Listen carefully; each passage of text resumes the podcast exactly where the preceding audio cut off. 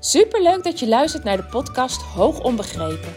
De podcast voor ouders van hoogbegaafde kinderen die hun kind beter willen begrijpen. Mijn naam is Eveline Noordzij en in deze podcast deel ik tips en inspiratie zodat jij jouw kind beter gaat begrijpen, meer en meer in jezelf gaat geloven en durft te gaan vertrouwen op jouw intuïtie. Hoe ga je om met uitdagende situaties? Wat heeft jouw kind van jou nodig? En hoe zorg je voor verandering zodat jouw kind zich gelukkig voelt? Ik heb er veel zin in om dit allemaal met jou te delen. Dus laten we voor vandaag maar beginnen.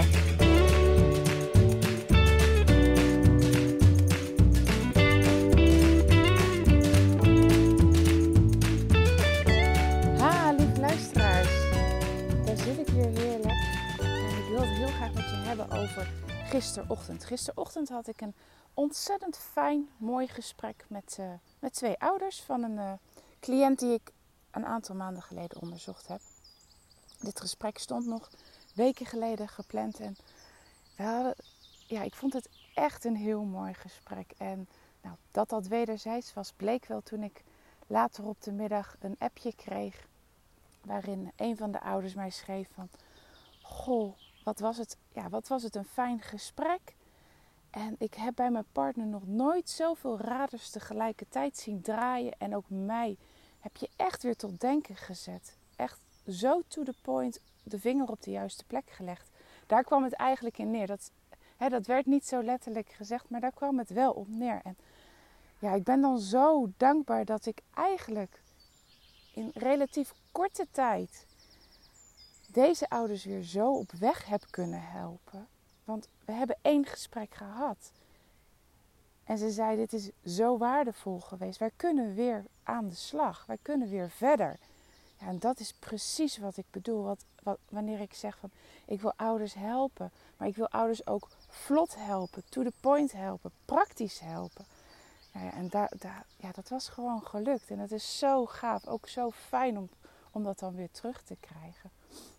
Maar tijdens dat gesprek, we hebben het over een heleboel dingen gehad, uh, ja, hadden we het ook over het hebben van verwachtingen. En daar wil ik het dan vandaag in deze podcast ook met je over hebben. Want het hebben van bepaalde verwachtingen kan zo'n grote invloed hebben op, ja, ik noem het maar even het eindresultaat, op hetgene wat je krijgt. Weet je, wanneer jij als ouder zijnde instapt, de dag begint of de week begint of nou ja, waar, waar je ook maar begint met het hebben van een bepaalde verwachting, dan, dan kan die verwachting ertoe leiden dat het op een bepaalde manier in jouw gezinssituatie gaat en die verwachting ook waargemaakt wordt. En dat noemen we een zelfvervullende voorspelling. Of ook wel een self, uh, self-fulfilling prophecy. Het is een psychologische term. En, maar het is zo belangrijk om, om dat fenomeen te begrijpen. En ik heb dat gisteren... Ja, ik hoefde dat deze ouders niet heel erg uit te leggen. Want die begrepen direct ook wat ik bedoelde. Um, maar ik ga het wel vandaag met jou bespreken. Want op het moment dat jij een verwachting hebt. En we, hè, dan spreken we veelal over een negatieve verwachting of een onbewuste verwachting die je hebt van een situatie. Dat bepaalt namelijk hoe jij je gedraagt. Wat je houding is, wat je uitstraalt, wat je uitzendt. En op het moment dat een kind dat oppikt, ziet van jou wat er gebeurt. Sorry, ik ben even afgeleid. Ik zie allemaal uh, haarsjes in het veld. Altijd een mooi gezicht. Uh, maar dat je, wanneer je, je kind jouw gedrag ziet, merkt, maar ook de onbewuste signalen merkt, de manier waarop je kijkt, de manier waarop je praat, de toon van jouw praat, allemaal gebaseerd op die verwachting, dan gaat het daarop reageren. En daarmee wordt jouw verwachting eigenlijk bevestigd. Terwijl op het moment dat jij met een andere verwachting die situatie ingaat, je ook hele grote kans hebt dat je verwachting, ja, dat, dat er op dat die verwachting ook de uitkomst is. En ik ga het even proberen heel concreet te maken aan de hand van een eigen voorbeeld. Toen wij vroeger, uh, nou, onze oudste twee waren best hele onrustige kinderen, ook huilbaby's geweest. De een in, uh, in meerdere mate dan de ander. Uh, maar dat heeft bij mij ehm, natuurlijk niet direct in het begin, maar gaandeweg leverde dat heel veel spanning op. En met name ook het naar bed brengen en het in slaap krijgen van de kinderen. Dat kostte enorm veel tijd. Ze waren heel onrustig. Het lukte niet. We waren echt avond en avond, nou, soms eens uren bezig om dat voor elkaar te krijgen. En dat leverde bij mij, en natuurlijk niet alleen bij mij, maar ook bij mijn man, spanning op. Maar ik kan natuurlijk alleen nu maar voor mezelf spreken om uit te leggen hoe dat dan verliep. En naarmate dit steeds vaker voorkwam, ging ik steeds vaker met kloppend hart naar boven echt met stress in mijn lijf. En de gedachte van oké, het zal wel weer ellenlang duren. Of het zal nu ook wel weer niet lukken. Eh, dat moedeloze gevoel wat ik had. Echt ook ja, een stukje angst klinkt wel weer heel zwaar. Maar uh, nou ja, wel bang dat het wederom weer niet zou gaan lukken.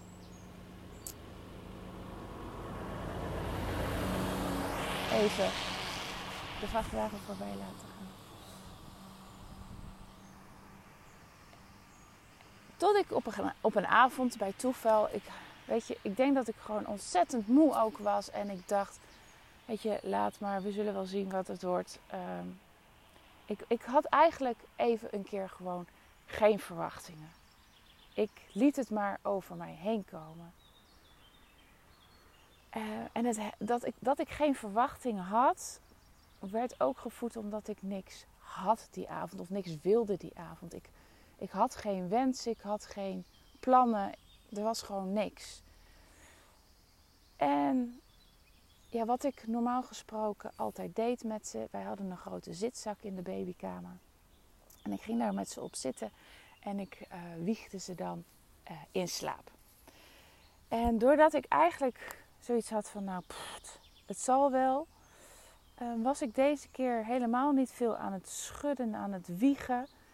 Ehm, ik zat daar gewoon. Ik had, het, eh, ik had één, of de oudste of de jongste, uh, had ik tegen me aangelegd. Ehm, nou ja, kom maar op, we zullen het wel merken. En in no time viel, het kindje in slaap. En nou ja, ik dacht het zal wel toeval zijn. Weet je, dat, daar ga je nog van uit oké. En uh, nou ja, de avonden daarna merkte ik weer de onrust bij me. Uh, en duurde het ook lang.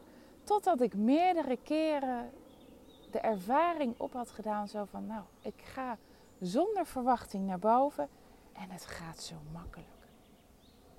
En wat gebeurde er nou? Eh, ook daarin, in deze situatie, had ik zo te maken met die zelfvervullende voorspelling.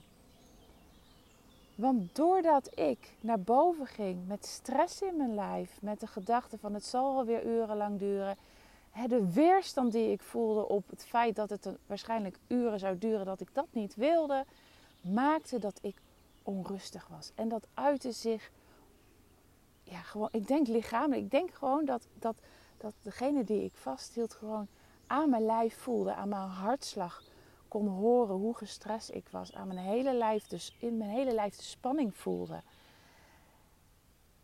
En, ik was ook veel meer aan het wiegen. Veel meer aan het schudden met de kinderen. Om ze maar zo snel mogelijk in slaap te krijgen. En ja, dat waren allemaal signalen die ik naar ze overbracht. Die maakten dat het ook lang duurde. En waarbij ik dus ja, waarbij ik dus de verwachting die ik had zelf creëerde. Het, het, lukte me niet om ze rustig in slaap te krijgen door mijn eigen houding. En dat bevestigde alleen maar de gedachten en, en de ja, ja, angst tussen aanhalingstekens die ik had op dat moment. En naarmate ik grip krijg dit fenomeen, op, op, op dit wat er speelde, kon ik ook steeds vaker vanuit de verwachting van oké, eigenlijk, nou, eigenlijk vanuit geen verwachting. Of in ieder geval de verwachting van het duurt zoals het duurt en ik accepteer zoals het gaat.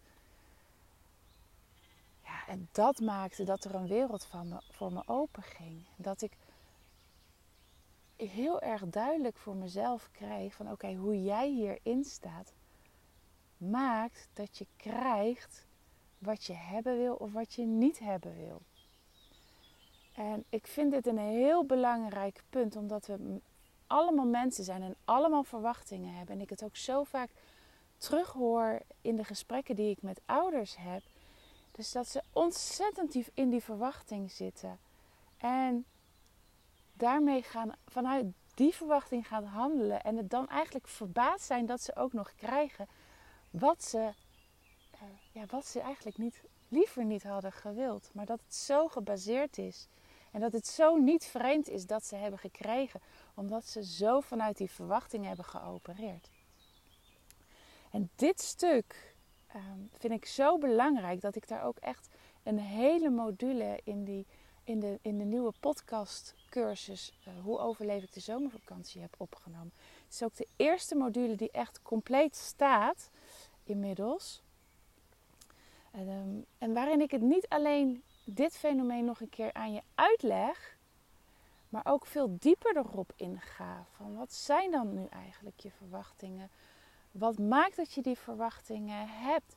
Hoe zorg je dat je andere verwachtingen krijgt?